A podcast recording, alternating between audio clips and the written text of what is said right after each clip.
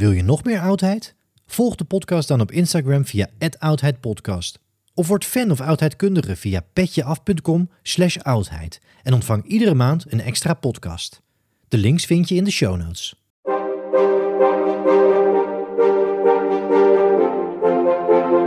De oudheid is fascinerend. Een enorme puzzel waarvan we stukjes hebben. En heel veel stukjes ook niet. Al op de basisschool trokken de verhalen over het oude Egypte, de Romeinen, Griekse mythen, het oude China en het onderzoek naar al die oude culturen en mensen me als een magneet naar zich toe. En ik wil meer. Graag neem ik, Timo Epping, je in deze podcastserie mee op reis naar het verre verleden. Ik ga in gesprek met wetenschappers die ons in iedere aflevering een uurtje meenemen in hun eigen onderzoek, hun eigen zoektocht naar de oudheid. Het is tijd voor de oudheid.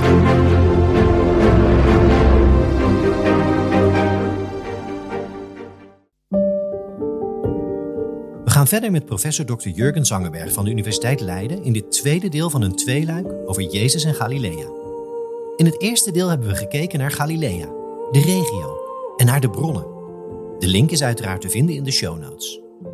Verder nu. We gaan nu kijken naar Jezus zelf. Proberen, zoals Jurgen in het eerste deel aangaf, tot een reconstructie te komen van zijn leven, van de gebeurtenissen. Maar dan moeten we om te beginnen onder het mom van er bestaan geen domme vragen, in ieder geval de volgende vraag stellen. Jurgen, was er een historische Jezus van Nazareth? Ja, ik denk dat er geen twijfel aan kan bestaan dat er, dat er één Jezus van Nazareth was. En dat wij eigenlijk ook een redelijk goed beeld van zijn boodschap kunnen schetsen op de basis van de bronnen die wij hebben. Ehm, de bronnen hebben natuurlijk allemaal hun eigen insteek en hun eigen profiel, omdat ze allemaal achteraf zijn geschreven door mensen die het belang van die persoon al delen. Ja, dus ze kijken terug naar die persoon in sympathie. Het zijn christelijke bronnen. Maar ik vind het eigenlijk te veel als mensen zeggen, nou, omdat het christelijke bronnen zijn die allemaal partijdig zijn, kunnen we niet echt van uitgaan dat die Jezus überhaupt had uh, ja, bestaan. Maar ik ben ervan overtuigd dat er één persoon Jezus van Nazareth bestond. Ja, ja, en als we die bronnen er dan bij pakken, waar we het ook in het eerste deel over gehad hebben. Ja, hoe kunnen we dan bij het leven van Jezus van Nazareth komen? Hoe kun je als historicus eigenlijk al die verschillende lagen er ja. afpellen, zou je kunnen zeggen, om tot een reconstructie te komen? Ja, het is, dat is uh, inderdaad een, een, de methodologische uitdaging die je uh, nu voor je hebt uh, als je terug wilt gaan naar een plausibele reconstructie van Jezus van Nazareth. Het afpellen van lagen, dat is een beetje zo'n archeologische metafoor. En die werden inderdaad heel vaak gebruikt, maar in de tussentijd weten wij steeds beter dat dit niet kan. Dus je kan het niet zuiver scheiden wat later is bijgekomen en wat er eigenlijk oorspronkelijk al was. Um, niet zuiver. Je kan het proberen.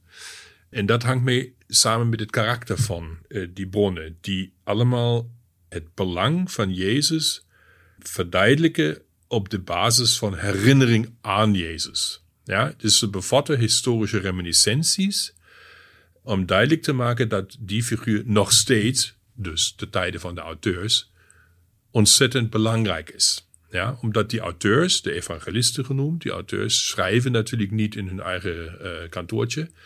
Maar ze zijn ook verbonden uh, en ingebed in een gemeenschap die, die Jezus als de Messias had geaccepteerd en daardoor ook met beroep op zijn expertise eh, recente problemen wil oplossen. Van gedrag van uh, hoe moet ik een gemeente organiseren, hoe moet ik mij gedragen tegen iemand die mij had uh, onrecht gedaan enzovoort. Ja, en daar spelen die teksten nog steeds een rol.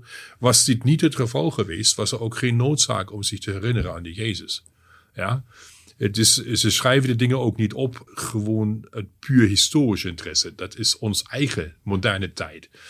Maar um, ik uh, noemde die evangelie biografische literatuur en antieke biografieën zijn vooral gericht op ja, de, de, de formatie van mensen met de hulp van exemplarische personen.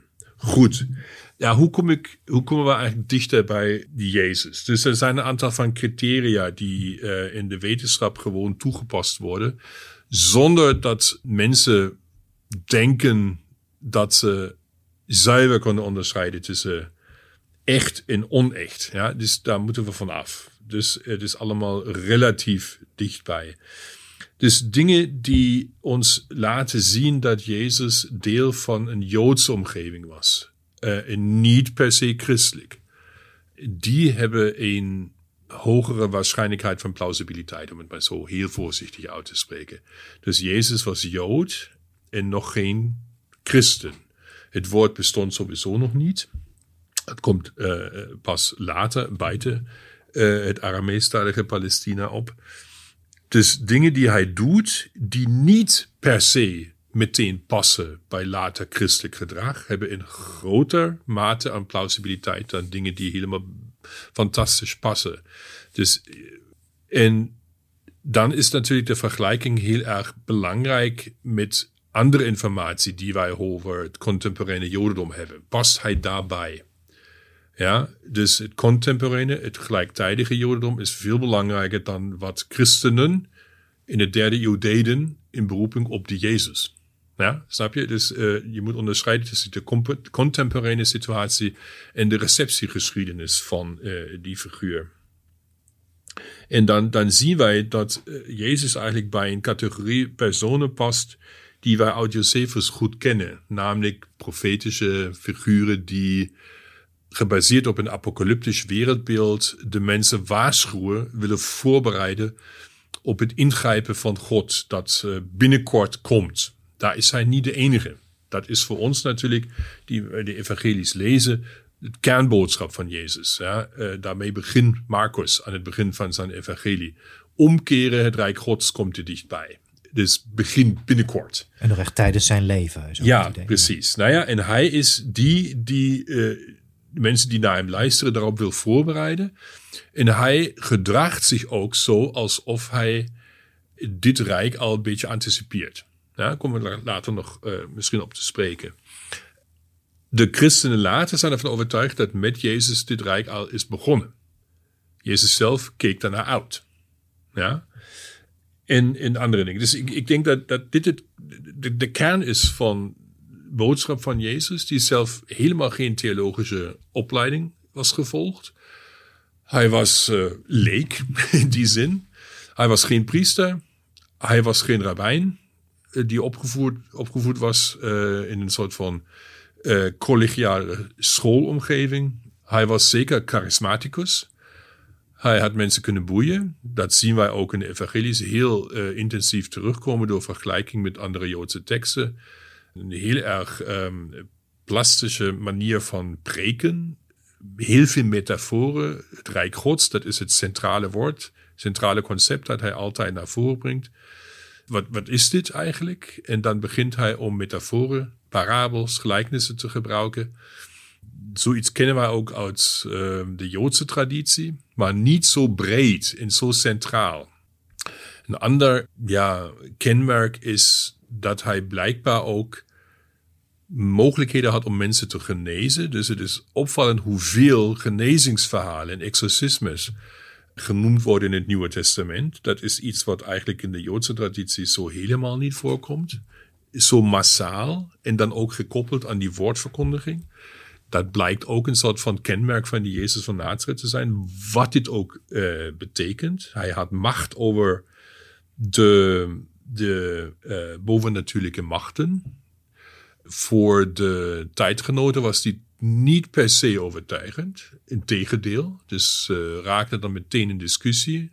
Nou, wie staat nu eigenlijk achter die Jezus? Dat hij zoveel macht heeft. Is het gewoon de baas van al die demonen? Of is het God zelf? Dus Marcus 3 is heel erg interessant, omdat het ons laat zien dat niet het fenomeen zelf omstreden was, zoals nu, had hij dat überhaupt kunnen doen, mensen gezond maken dat was niet uh, de vraag van de antieke. Dat is onze vraag nu, na de verlichting. Maar de vraag van de antieke was: wie staat er nu eigenlijk achter die figuur?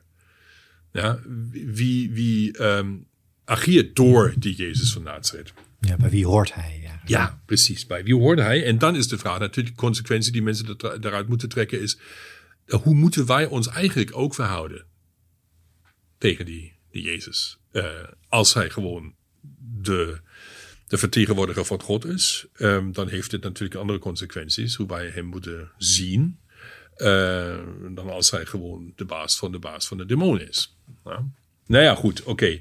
Nou ja, dan, dan gewoon het, het Rijk Gods, dit concept dat God koning is, Basileus, die Basileia, Rijk Gods, dat is uh, taalmatig ook heel goed en heel nauw verbonden. Um, God is de grote koning, dat is niets nieuws. Als je de psalmen leest, dan komt dit heel vaak tegen. Daar is de grote koning in de hemel. En in de tussentijd, dat vind je in het Oude Testament nog niet zo sterk uitgewerkt, maar wel in andere teksten uit de tijd van Jezus, bijvoorbeeld uh, Dode Zeerollen, is de grote koning, die zit nu niet alleen meer in de hemel op zijn troon, maar die heeft een heel grote soort van hofhouding om hem heen, met heel veel dienstbare andere krachten en machten. Een groot leger van engelen, een groot leger van Um, en hij heeft, heeft, vooral ook een, een vice-koning, een kleine koning. En dan is er ook nog op de aarde, was er tenminste nog een rechtvaardige koning zoals David. Maar die is er nu niet meer. En dat is een probleem voor heel veel mensen toen. Dat nu eigenlijk de legitieme koning niet meer regeert. Maar wel de heidenen, de Romeinen of de heersers, joods of niet, naam van de heidenen. Ja? Sommige mensen hadden daar een probleem mee. En die hebben vooral dan ook die apocalyptische tradities gerecipieerd om daaruit de hoop um, te trekken dat God binnenkort daarmee een einde maakt. Hij kan het niet langer tolereren dat de heidenen gewoon over de tempel regeren in de heilige stad en het heilige volk. Dus hij moet gewoon binnenkort iets aan doen. En Jezus volgt blijkbaar die, die richting van het Jodendom. Niet elke Jood dacht zo. Er waren anderen die heel goed met de Romeinen hadden kunnen leven.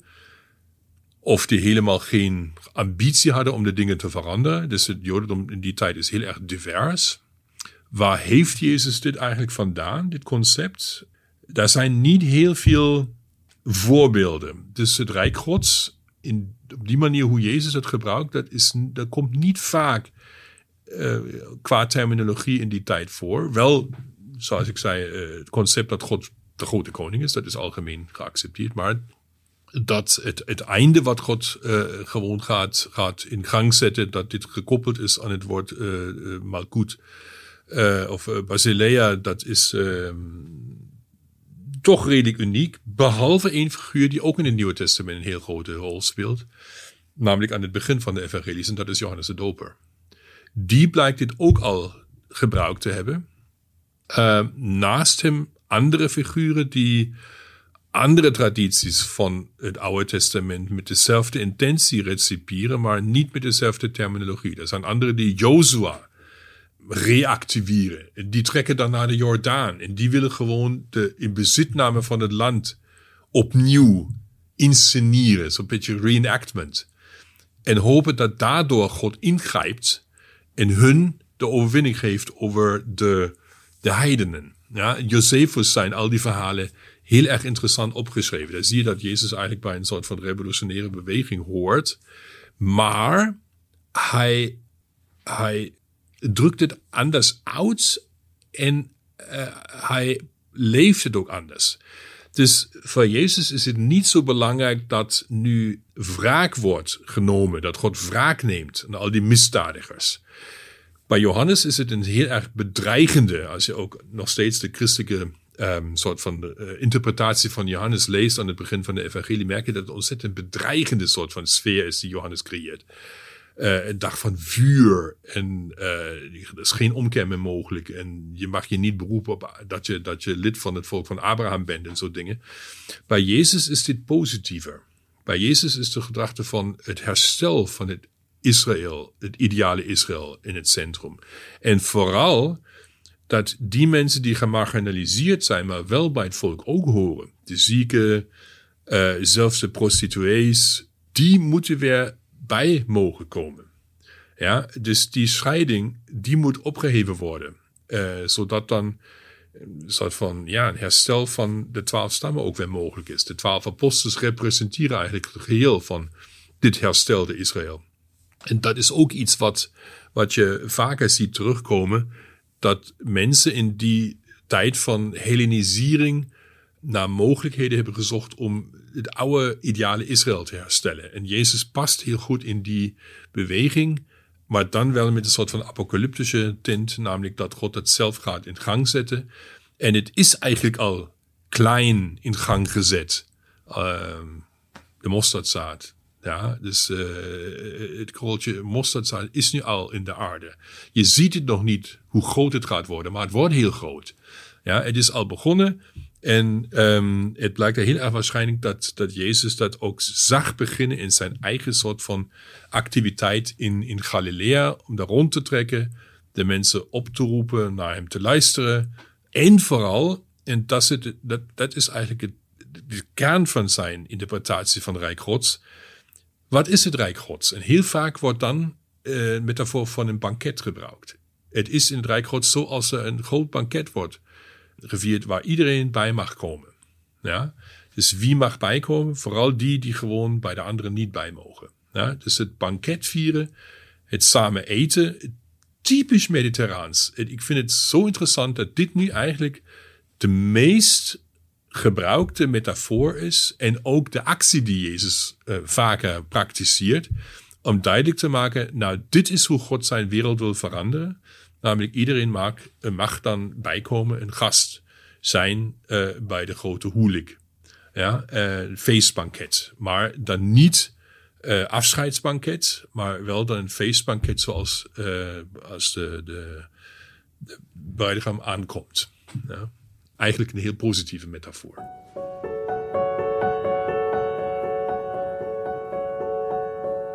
Oké, laten we op zoek gaan naar de voedingsbodem. Jezus en ook andere profeten verkondigen een apocalyptische boodschap.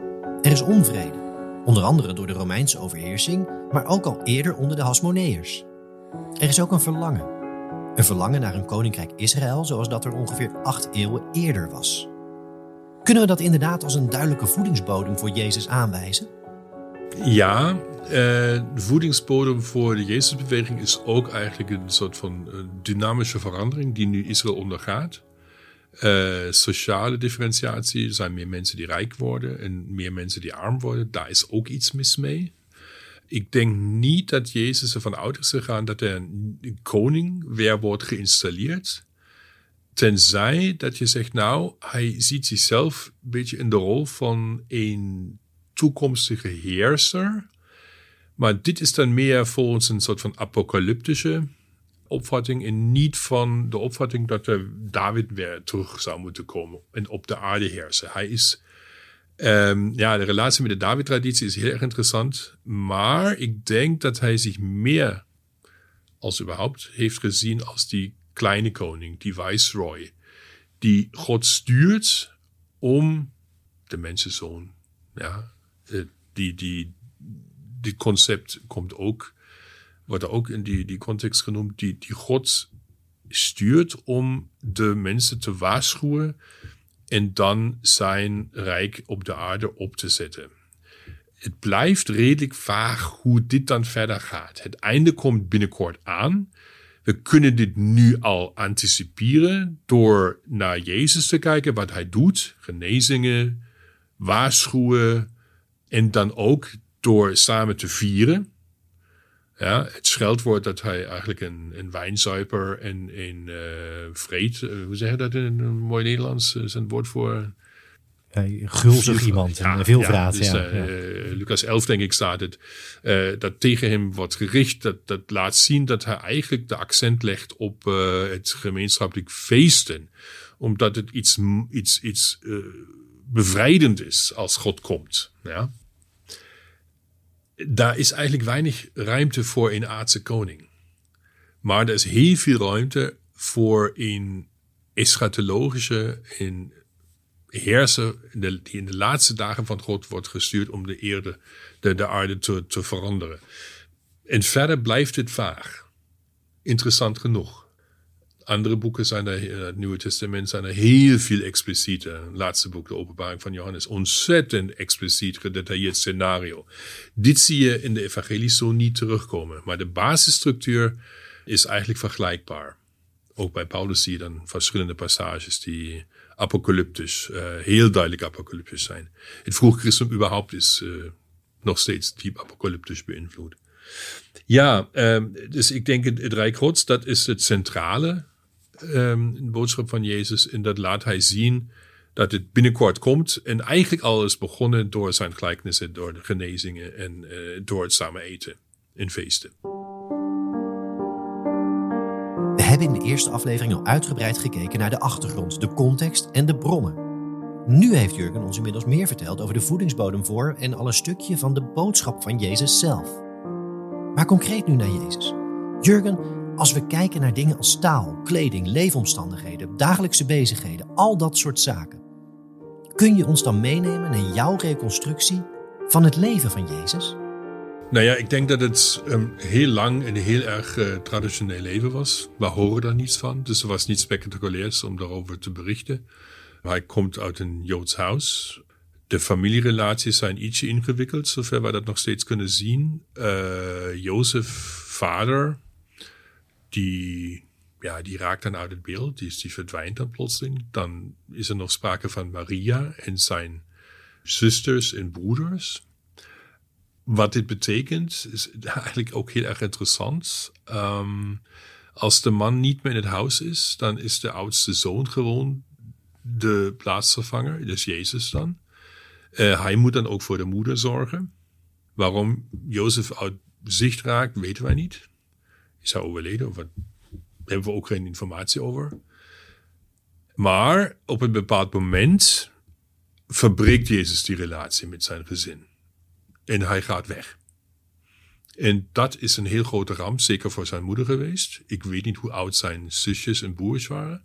Maar blijkt toch een, heel ja, aantal te zijn geweest. Uh, allemaal mooie Joodse namen.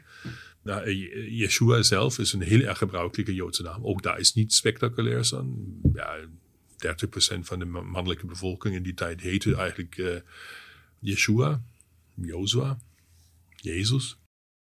En hij begint dan eigenlijk een heel erg non-conformistisch leven. Hij is afhankelijk van de steun van anderen. Hij loopt in het landschap omheen. Hij preekt. Misschien geïnspireerd door Johannes de Doper. Uh, misschien was dit ook dan de breuk. Hij moet zich nu eigenlijk toewijden aan het verkondigen van, het, van de Rijk Gods, dat, dat dichtbij komt, uh, binnenkort begint. Maar hij gaat ook weg van Johannes de Doper. Dus hij zet zijn eigen soort van groepje op. En, hij, um, en ik denk dat dit bewust is ook om te vertegenwoordigen waarover het eigenlijk gaat in zijn boodschap. Is dat hij twaalf volgelingen meeneemt die gewoon mobiel zijn. En tegelijkertijd heeft hij lokale sympathisanten die hem steunen. Vooral ook in Capernaum. Uh, familie van Petrus, daar komt hij vaker langs in het huis. Um, dus hebben de, de sedentaire en de migranten gedeelte van de vroege Jezusbeweging. Dat zien we dan ook uh, in de vervolgende tijd wel weer terugkomen, een tijdje lang nog. Hij weet mensen te boeien die niet meelopen, maar wel naar hem luisteren. Dus in die zin had hij wel succes, maar ook heel veel weerstand.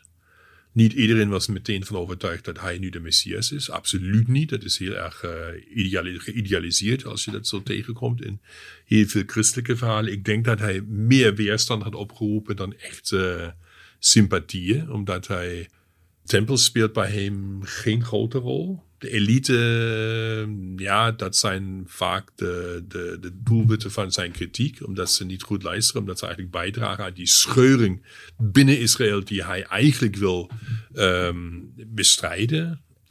En die worden dan eigenlijk ook van God um, de rekenschap getrokken dan, als God de dingen verandert. En hij praat van een Basilea. Oké, nu moet je dit horen met Romeinse oren. Daar loopt iemand rond en uh, zonder, of ook met Joodse oren, ja, zonder dat hij een opleiding heeft, zonder dat hij gemandateerd is door een priester of wat dan ook. En hij preekt over God en hij creëert heel veel onrust. Dat valt tegen bij de elite in Jeruzalem, bij de Joodse elite. Uh, en het valt ook tegen bij de Romeinse autoriteiten. Dus we zijn nu in Jeruzalem weer teruggekomen. Laatste reis van Jezus. Je ziet eigenlijk beide kanten. Grote succes als hij aankomt. Hosanna, ja. zoon van David. De redder is nu aangekomen. En dan, een dag later, krijzigen. Die twee dingen. Maar dat kan de Joodse bevolking natuurlijk niet doen. De Joodse autoriteiten vinden heel erg dat hij praat in naam van God. Dat hij blijkbaar niet aarzelt om zijn woorden met die overtuiging uit te spreken dat mensen denken, nou, God spreekt door hem. Dat is een affront. Natuurlijk tegen de tempel en tegen de tempelaristocratie, die de eigenlijke bemiddelaar denken te zijn. Maar die kunnen ook niets doen tegen die oproerkraaier, uh, die zoveel succes heeft in Galilea, maar nu blijkbaar ook in Jeruzalem. Omdat ze niet het recht hebben om iemand terecht te stellen en te executeren. Dus ze moeten de Romeinse autoriteiten inschakelen. En dat is op dit moment Pontius Pilatus. Over die we eigenlijk heel veel ook uh, lezen bij, bij Josephus zelf. Hij is toevallig ook in Jeruzalem. Dat heeft te maken met het Pesachfeest. Dat is ook een van de ja, meest gevoelige momenten in het jaar. Omdat Pesach zelf natuurlijk ook politieke connotaties heeft. Ja. De Egyptenaren nu als de onderdrukkers. En Pesach, dat viert eigenlijk de bevrijding van die onderdrukking. Nou ja, nu zijn de Egyptenaren niet meer de onderdrukkers, maar de Romeinen misschien in de ogen van heel veel mensen, Joodse mensen. Dus daar moet je eigenlijk als goede gouverneur moet je dichtbij zijn eh, om daar heel snel op te kunnen reageren als er de dingen uit de handen lopen. Dus um, Pontius Pilatus, een soort van proces, rechtszaak, een beetje dubieuze soort van rechtszaak, maar dat kan de gouverneur wel zo doen. Uh, en je ziet dan de twee autoriteiten heel goed met elkaar samenwerken. Dat is ook typisch. De Romeinen kunnen eigenlijk een provincie, geen provincie besturen zonder arrangements te hebben met de indigene elite. Ja. Um, en de common ground is, de bottom line, uh, is dat ze voor stabiliteit zorgen. Beide willen het eigenlijk. De, de inheemse elite wil ook voor stabiliteit zorgen. Oké, en die Jezus die stoort de stabiliteit. Pilatus neemt hem waarschijnlijk niet zo erg serieus. Waarom zeg ik dit zo? Wij hebben in Josephus heel veel voorbeelden hoe andere gouverneurs hebben gereageerd als ze een soort van ja, profetische beweging echt serieus hebben genomen. Daar hebben ze alle leden opgepakt, hebben ze de cavalerie gestuurd. En dat doet hij niet. Dus hij pakt alleen maar Jezus op en laat hem executeren. Samen met twee anderen die maar niets te maken hebben met de Jezusbeweging. De volgelingen zijn allemaal weg. Ja, die zijn ondergedoken, maar ze worden niet opgespoord en opgepakt. Nou, dus daar is wel een soort van verschil. Misschien is het eigenlijk ook van de Romeinen, nou, wat moet ik met die meneer? Ja? Oké, dus hij is onder controle. Maar omdat gewoon de hoge priester dat heel graag wil, dan ga ik die favor doen. Ja, dat is een soort van, die soort van arrangements die je dan tussen de Romeinse administratie en de inheemse elites heel vaak waarschijnlijk uh, had kunnen zien. Oké, okay, nou ja, dan wordt hij gewoon gekruisigd, zoals heel veel andere mensen ook, Joodse mensen soort van tragisch einde. Er is niemand meer bij. Behalve de vrouwen.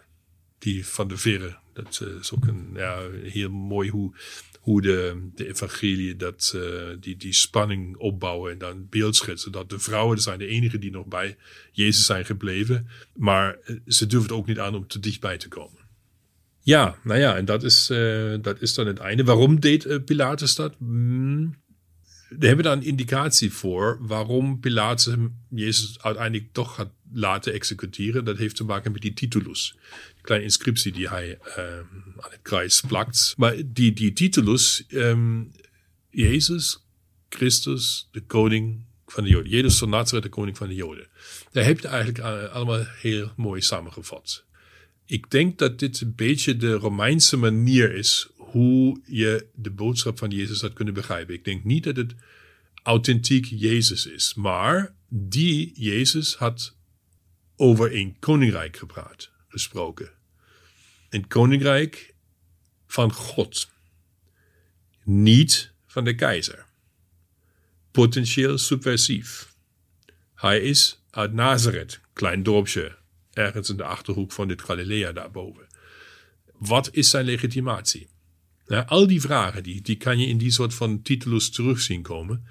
Zodat uiteindelijk Pilatus waarschijnlijk toch een reden had om hem te laten executeren. Alleen maar vanwege het geval dat hij te vaak en te prominent van een rijk had gepraat. Basilea. Ja? En wij lezen dit woord heel vaak als een soort van spiritueel rijk. Dat zie je bij Johannes nog. Ja, mijn rijk is niet van deze wereld. Jawel, voor Romeinse oren is dit natuurlijk van deze wereld ook. Als het een rijk is, is het een potentieel concurrentie met de keizer in Rome. En daar moet je iets tegen doen. Daarvoor waren de Palestijnse Joden ook bekend. Dat ze daar een beetje onrustig waren. En heel veel soort van die fantasieën hadden. Dat je eigenlijk een ander koninkrijk moet hebben dan dit van Rome. Oké, daar had je een heel goede deal kunnen sluiten. Tussen de Joodse autoriteiten, zoals het ook de evangelies uh, beschrijven, en, uh, en de Romeinse uh, bestuursbelangen. Jezus sterft dan uiteindelijk. Um, ja, misschien een grote vraag. We hebben het er ook wel al deels over gehad. Je hebt er al over gesproken. Maar wat maakt. Hè, want, want als, je, als je het zo misschien kort door de bocht kan zeggen. Voor, voor de Romeinen was Jezus eigenlijk een marginale figuur. Er wordt eigenlijk. Nou, je, je noemde het zelf in de bronnen. Lezen we er niks over, zien we er bijna niks over. Een passant misschien wel. Maar wat maakt ja, in latere tijden Jezus dan toch onderscheidend ten opzichte van nou, die andere profeten die daar ook rondliepen en waar we ook over horen in sommige gevallen, meer zelfs dan over Jezus. Ja, nou, dat heeft, dat heeft te maken met wat dan na de kruisiging is gebeurd. En dat is wat mensen over die Jezus hebben verteld. Dus de verkondiger van het Rijk Gods werd nu inhoud van de verkondiging over hem. Ja? Wat er precies na de dood is gebeurd, na de begrafenis, daar zeggen de bronnen interessant, interessanterwijze niets over.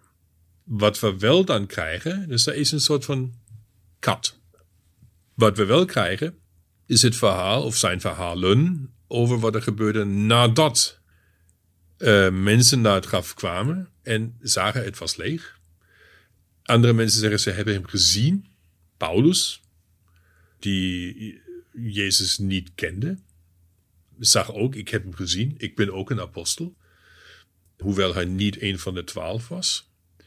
En ze hebben hem gezien in een andere soort van positie en rol. Niet meer als de prediker die rondloopt, maar als een hemelse figuur. Daarom noemt Paulus hem veel vaker Christus dan Jezus. Ja, daar is iets gebeurd met die Jezus. Wat precies wordt uitgedrukt met hulp van um, Joodse concepten. Van wat God doet met een rechtvaardige martelaar. En de basisinterpretatie van al die verschillende um, stemmen is dat, dat Jezus in het recht is gezet van God. Dus die schandalige dood aan het kruis is eigenlijk, ja, is die gecorrigeerd? Eigenlijk niet. Die blijft bestaan. Het blijft het centrum van het christelijk geloof, maar met een nieuwe interpretatie. Wat wel is uh, gebeurd met de Jezus, hij is nu niet meer de leidende Messias, hij is nu de heersende. Hij zit rechts van God, uitgedrukt met psalmen. Hij is in een heel erg verhoogde positie. Hij is eigenlijk nu weer in de positie van die, die kleine koning naast de grote koning in de hemel. En dat betekent dat God eigenlijk voor, dat betekent voor die, die vroege christenen, uh, God alles wat die Jezus deed, heeft onderstrepen en niet doorgestreept. Ja? Uh, een heel andere zicht op um, die figuur dan op het moment van de kruising ja, toen had iedereen vanuit moeten gaan, nee, het is nu afgelopen. Wat moet ik nog met die meneer? Die is nu gewoon het kruis gestorven. Schloes. Ja? Eh, daarom zijn ze daar ook niet meer. Ze verwachten niets meer. En dan komen de vrouwen en zeggen, nou, wacht maar even, er is toch iets gebeurd. Um, wat precies is onduidelijk. Dat wordt in de teksten zelf ook niet uitgesproken. Dus het is nu gebaseerd, wat daar later komt, op een claim van verschillende getuigen. Die Jezus een heel andere um, rol hebben gezien. En nu beginnen mensen ook om het uh, wat voor de kruisiging is gebeurd, in het licht van wat na de kruisiging is gebeurd, te zien en te herinterpreteren. Nou, wacht even. Als hij is opgetreden en over het Rijk van God had gepreekt, dan is dit natuurlijk niet iets wat los van hem staat, maar het is iets wat eigenlijk integraal met hem verbonden is omdat hij nu natuurlijk ook in de hemel zit en, uh, ja, de rechterhand van God is, enzovoort. Dus je ziet nu eigenlijk een soort van niet in vervanging van die oude tradities, maar een soort van aanscherping en toepassing uh, volgens de nieuwe overtuiging over wie die Jezus nu eigenlijk is. Ja, en, en, daarom hebben wij die reminiscenties natuurlijk altijd in het Nieuwe Testament, in de evangelies, die, de historische reminiscenties altijd verbonden uh, ja, aan, geloofsgetuigenissen. Ja, geschreven uit vanuit de overtuiging dat die Jezus eigenlijk de, de Messias is en al was. Ja. Nou ja, en dat gaat dan nu een hele eigen gang, dit verhaal. Maar we hebben de historische reminiscenties niet zonder het geloofsgetuigenis. En het geloofsgetuigenis kan niet zonder zich altijd weer te herinneren aan, aan de aardse Jezus. Ja. Is heel erg een soort van ingewikkelde uh, vermenging en doordringing. En daarom was ik een beetje uh, voorzichtig met het, het scheiden van die lagen. Dat kan zo zuiver niet. En dat brengt ons aan het einde van dit bijzonder interessante tweeluik met professor Dr. Jurgen Zangenberg. Deze keer over Galilea en over Jezus. En Jurgen sloot af met die lagen waar we eerder al over spraken. De theorie dat Jezus en teksten over hem van theologische lagen ontdaan moeten worden door wetenschappers om de aardse Jezus, de historische figuur dus, te kunnen onderzoeken. Dat kan eigenlijk niet, zegt Jurgen. En met dat inzicht, naast alles wat Jurgen weer met ons wilde delen en de belofte dat we ook nog een keer verder zullen gaan met Paulus, dank ik Jurgen hartelijk.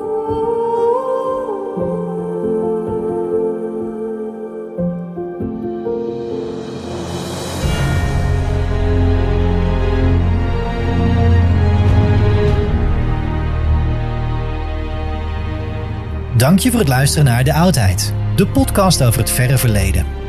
En wil je meer oudheid? Vergeet dan niet om de podcast te volgen daar waar jij podcast luistert. Iedere nieuwe aflevering verschijnt dan automatisch in je feed. Likes en reviews worden uiteraard gewaardeerd en vergeet vooral ook niet om de podcast met iedereen die jouw interesse deelt te delen. Heb je ideeën of suggesties voor de podcast? Mail dan naar info@eppingproductions.nl. Thank you.